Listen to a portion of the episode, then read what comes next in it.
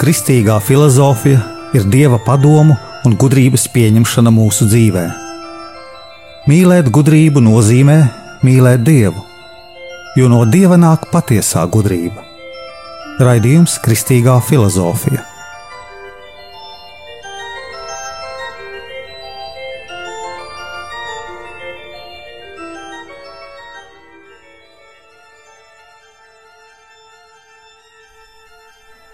Es esmu Jānis Valtra Vitsenheims, Jeruzalemes Kristus kapa ordeņa bruņinieks, un ar jums ir 29. raidījums Kristīgajā filozofijā.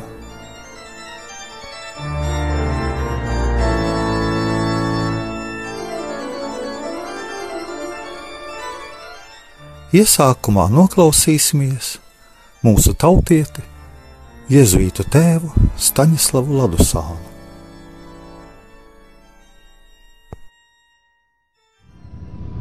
Nesenie mūsu laiku zinātniskie pētījumi to skaidri pierāda saskaņā ar Svētā Pāvila e, apostula e, pirmā gada simtenī rakstīto vēstuli romiešiem kurā viņi skaidri māca, ka viņi, romieši, stājoties sakaros ar šīs pasaules lietām, pazina dieva esamību, būtību un pienākumu viņu godināt.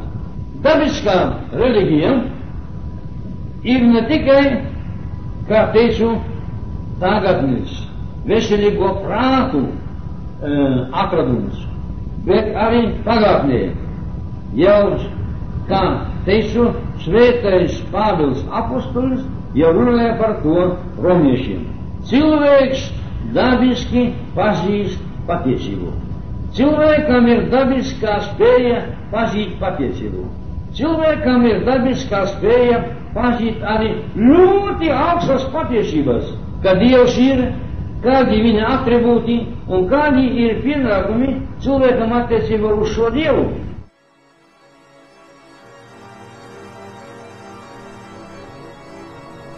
Jūs klausījāties Jēzus tēvu Staņislavu Ladusānu 1993. gada ierakstu.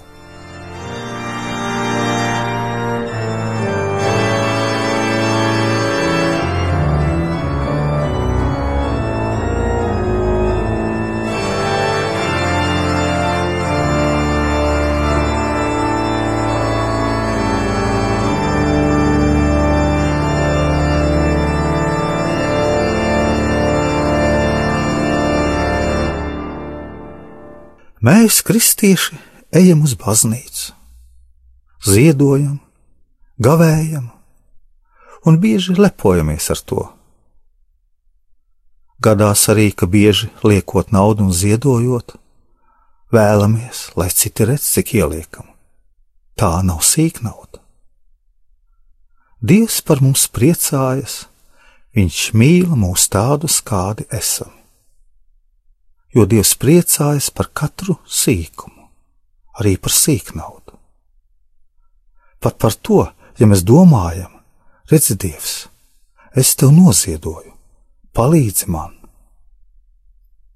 Pat ja mēs visu gavēni gavējam, bet nosodām citus, kas negavē, vai mēs cienīgi debesu valstības? Dievs no katra sīkuma grib mūsos aizdegt īstu, patiesu mīlestību.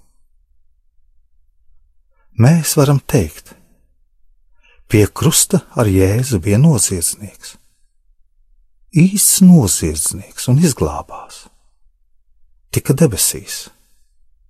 Laika mums jāsaka, kā teica noziedznieks, un būsim glābti. Dievam svarīgs ir mūsu dvēseles stāvoklis. Mums jāsaprot, ka visi mūsu darbi viņam nav nekā vērti. Mums jāsaka, Dievs apžēlojies. Lai kungs tava sirds ir žēlsirdīga pret mums.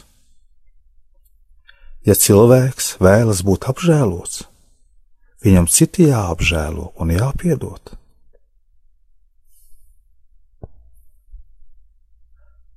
Kādēļ mēs vispār citus tiesājam?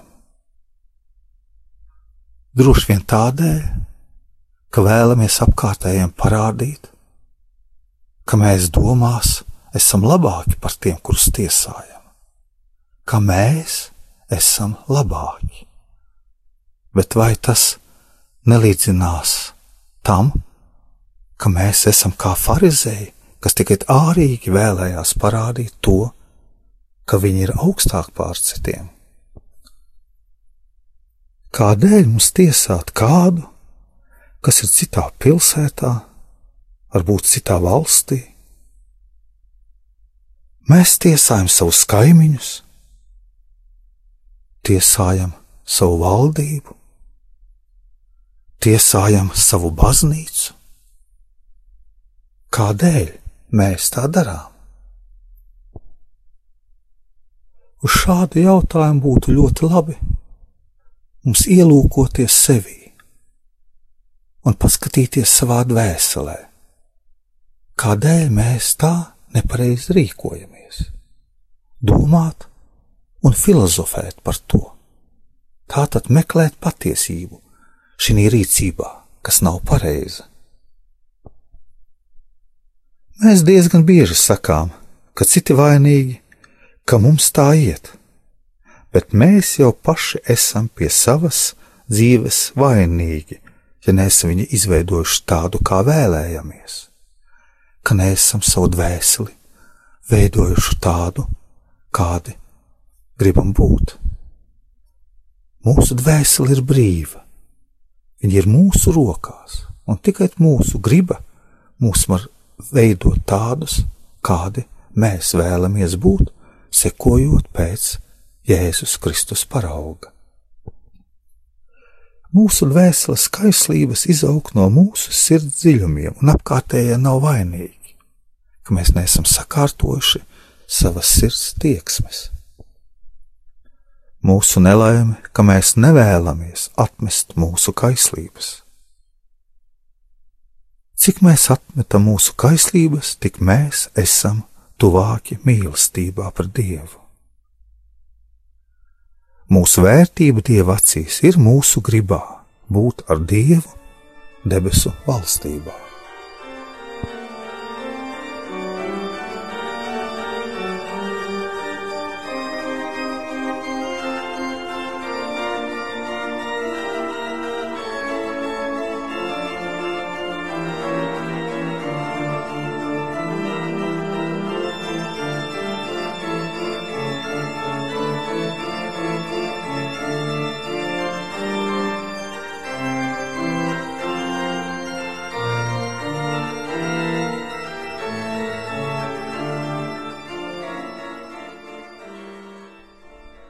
Lai ieskatītos savas sirds dziļumos, mums jāmāk attiet projām no tās ideoloģijas, no tām reklāmām, no naudas kāras un paskatīties šī klusumā, ko mēs vēlamies. Ir divi filozofijas stāvokļi - primitīvais, ko mēs saucam par prefilozofiju, no latīņu valodas iepriekšējā filozofija, un ir filozofija sistemātiskā. Vajadzētu apskatīt didaktisko plānu filozofijā. Didaktiskais nozīmē no grieķu valodas mācīšanās, mūsu domāšanas plāns.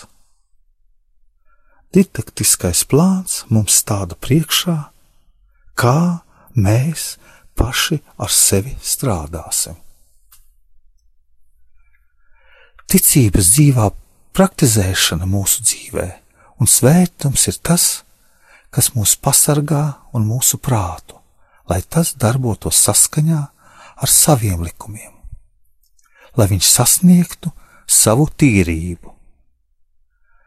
Prāta tīrību, prāta tādu stāvokli, kas pazīst visu, balstoties uz lietu saprotamību.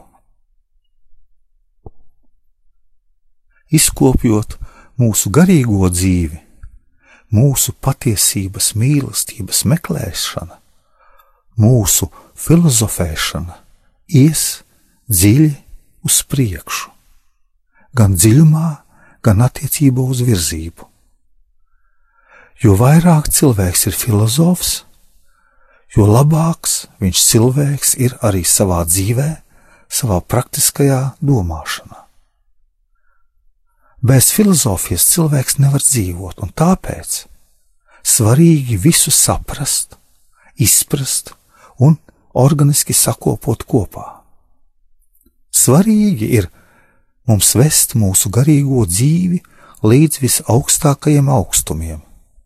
Tā kā Kristus ir teicis kalna mācībā, ka vajag mīlēt ne tikai savus draugus, bet arī ienaidniekus. Ticība pieprasa filozofiju, un filozofija pieprasa ticību.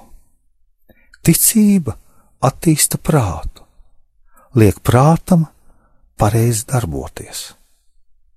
Un tādēļ neviens nevar piedoties patiesības mīlestībai, filozofijai, vai varētu teikt, nevar kļūt par filozofu ātrā laika periodā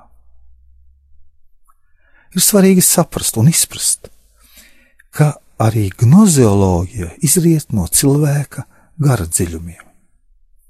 Lai to saprastu, mums vajag ieiet iekšā filozofijā.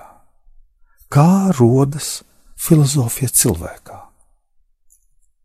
Filozofija cilvēkā rodas sadarbojoties, pat varētu teikt, sadraudzējoties ar gudrību.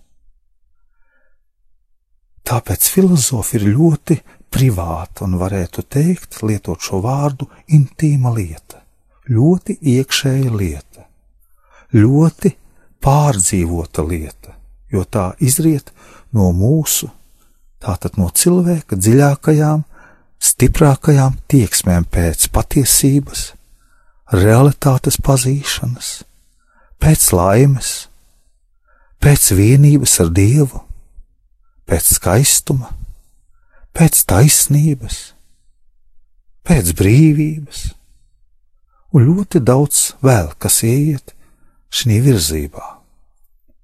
Tāpēc arī mēs varam teikt, ka filozofija ir ļoti intīma lieta, ļoti privāta lieta. Kā filozofēšana iekšēji rodas? Tas nerodas uzreiz tās ir dziļas gara tieksmes. Un šīs dziļās gara tieksmes pēc taisnības, pēc brīvības, skaistuma, patiesības un laimes, ko cilvēks pārdzīvo sevi iekšēji, savā garā. Šīs gara tieksmes paceļ cilvēku pāri ikdienai, bet ne uzreiz visos augstumos, filozofijas augstumos. Šīs tieksmes rada kultūru, matemātisko un eksperimentālo kultūru, mākslu, rada dabas zinātnes, ķīmiju, fiziku, astronomiju. Bet kā cilvēks, pateicoties savām šīm iekšējām tieksmēm, pārceļas pāri ikdienai, to redz tikai viņš. Tad viņš redz, ka ir citi jautājumi, dziļākas problēmas, kas nav atbildētas ar šīm parastajām zinātnēm.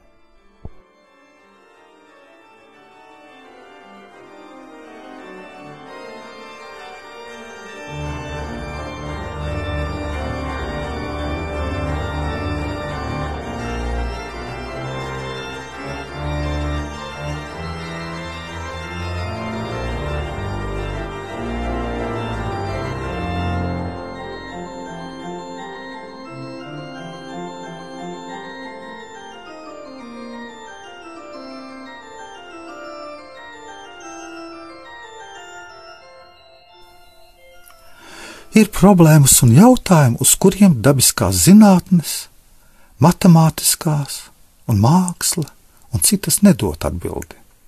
Ir citi jautājumi, ko nozīmē kultūra, kāds ir kultūras mērķis, cik dziļa nozīme ir zinātnēm, ko nozīmē prāts, ko lieto matemātiķis vai fiziķis, Viņš lieto patstāvīgo pazīšanu, bet prāto par dzīvniekiem, stādiem. Viņš izlieto prāta pazīšanu, bet neprāto par savu pazīšanu, nedomā par domāšanu. Kāda ir tā domāšanas, pazīšanas mēraukla, kas mums vajadzīga? Ko nozīmē patiesība, kāda ir patiesības norma? Ko nozīmē intelektuālā drošība vai kaut vai dabas likums? Ko nozīmē cilvēka griba, cilvēka prāts? Kas ir cilvēks? Vai viņš ir dzīvnieks vai kaut kas pārāks? Protams, mēs saprotam ticīgie cilvēka individualitāti, saprotam, ka viņam ir nemirstīgs gars. Bet ko nozīmē pasaule? Filozofija uzdot jautājumu, ko nozīmē būtne, cilvēks, dvēsele. Nu, protams, arī ko nozīmē autoritāte, atbildība, labs un ļauns. Ir ļoti daudz dažādu jautājumu. Es apstājos pie labs un ļauns. Jo šos jautājumus mēs izskatām tad, kad mēs saprotam, ko nozīmē arī nāve, un svarīgākais, ko nozīmē Dievs. Ir ļoti daudz mums dzīvē jautājumu. Ar daudzām atbildēm mēs saskaramies, dzīvojot savā dzīvē. Bet, piemēram, šīs matemātiskās un tehniskās zinātnes, lai gan nes cilvēkiem daudz labumu, viņas neatbild uz šiem dziļajiem jautājumiem. Arī paši zinātnieki, matemātiķi, fiziķi nevar izvairīties no šiem jautājumiem. Bet viņi tver tās zinātnes kā tādas, bet tās nedod atbildi uz šiem jautājumiem. Ne tikai nedod, bet arī nevar dot, jo katra zinātne ar savu interesi, viedokli, ar savu metodi. Tādēļ, ka botāniķis interesēs par stādiem, nevis par dzīvniekiem, ķīmiķis interesēs par elementiem, un viens nejaucas otra lietā. Un tāpēc cilvēks redz, ka tās zinātnes, kā matemātiskās, tehniskās, var dot cilvēkiem daudz labumu, bet viņas ir šauras, ierobežotas ar savu mērķi, ar savu uzdevumu, savos rāmjos. Viņas nevar dot, jo nevienā no tām zinātnēm neapskata cilvēku kā visumu, bet apskata tikai daļu. Tādēļ cilvēkā katrā rodas neizbēgama ziņa prātot, lai izraisītu šo jautājumu. Katrā cilvēkā ir šīs ziņas, un katrā cilvēkā ir tieksme, un tāpēc katrā cilvēkā ir aicinājums uz filozofiju, uz patiesības mīlestību, tiekšanās uz patiesību un uz mīlestību. Tas arī nozīmē ideālismu, dziļo gara ideālismu ētiskajā nozīmē.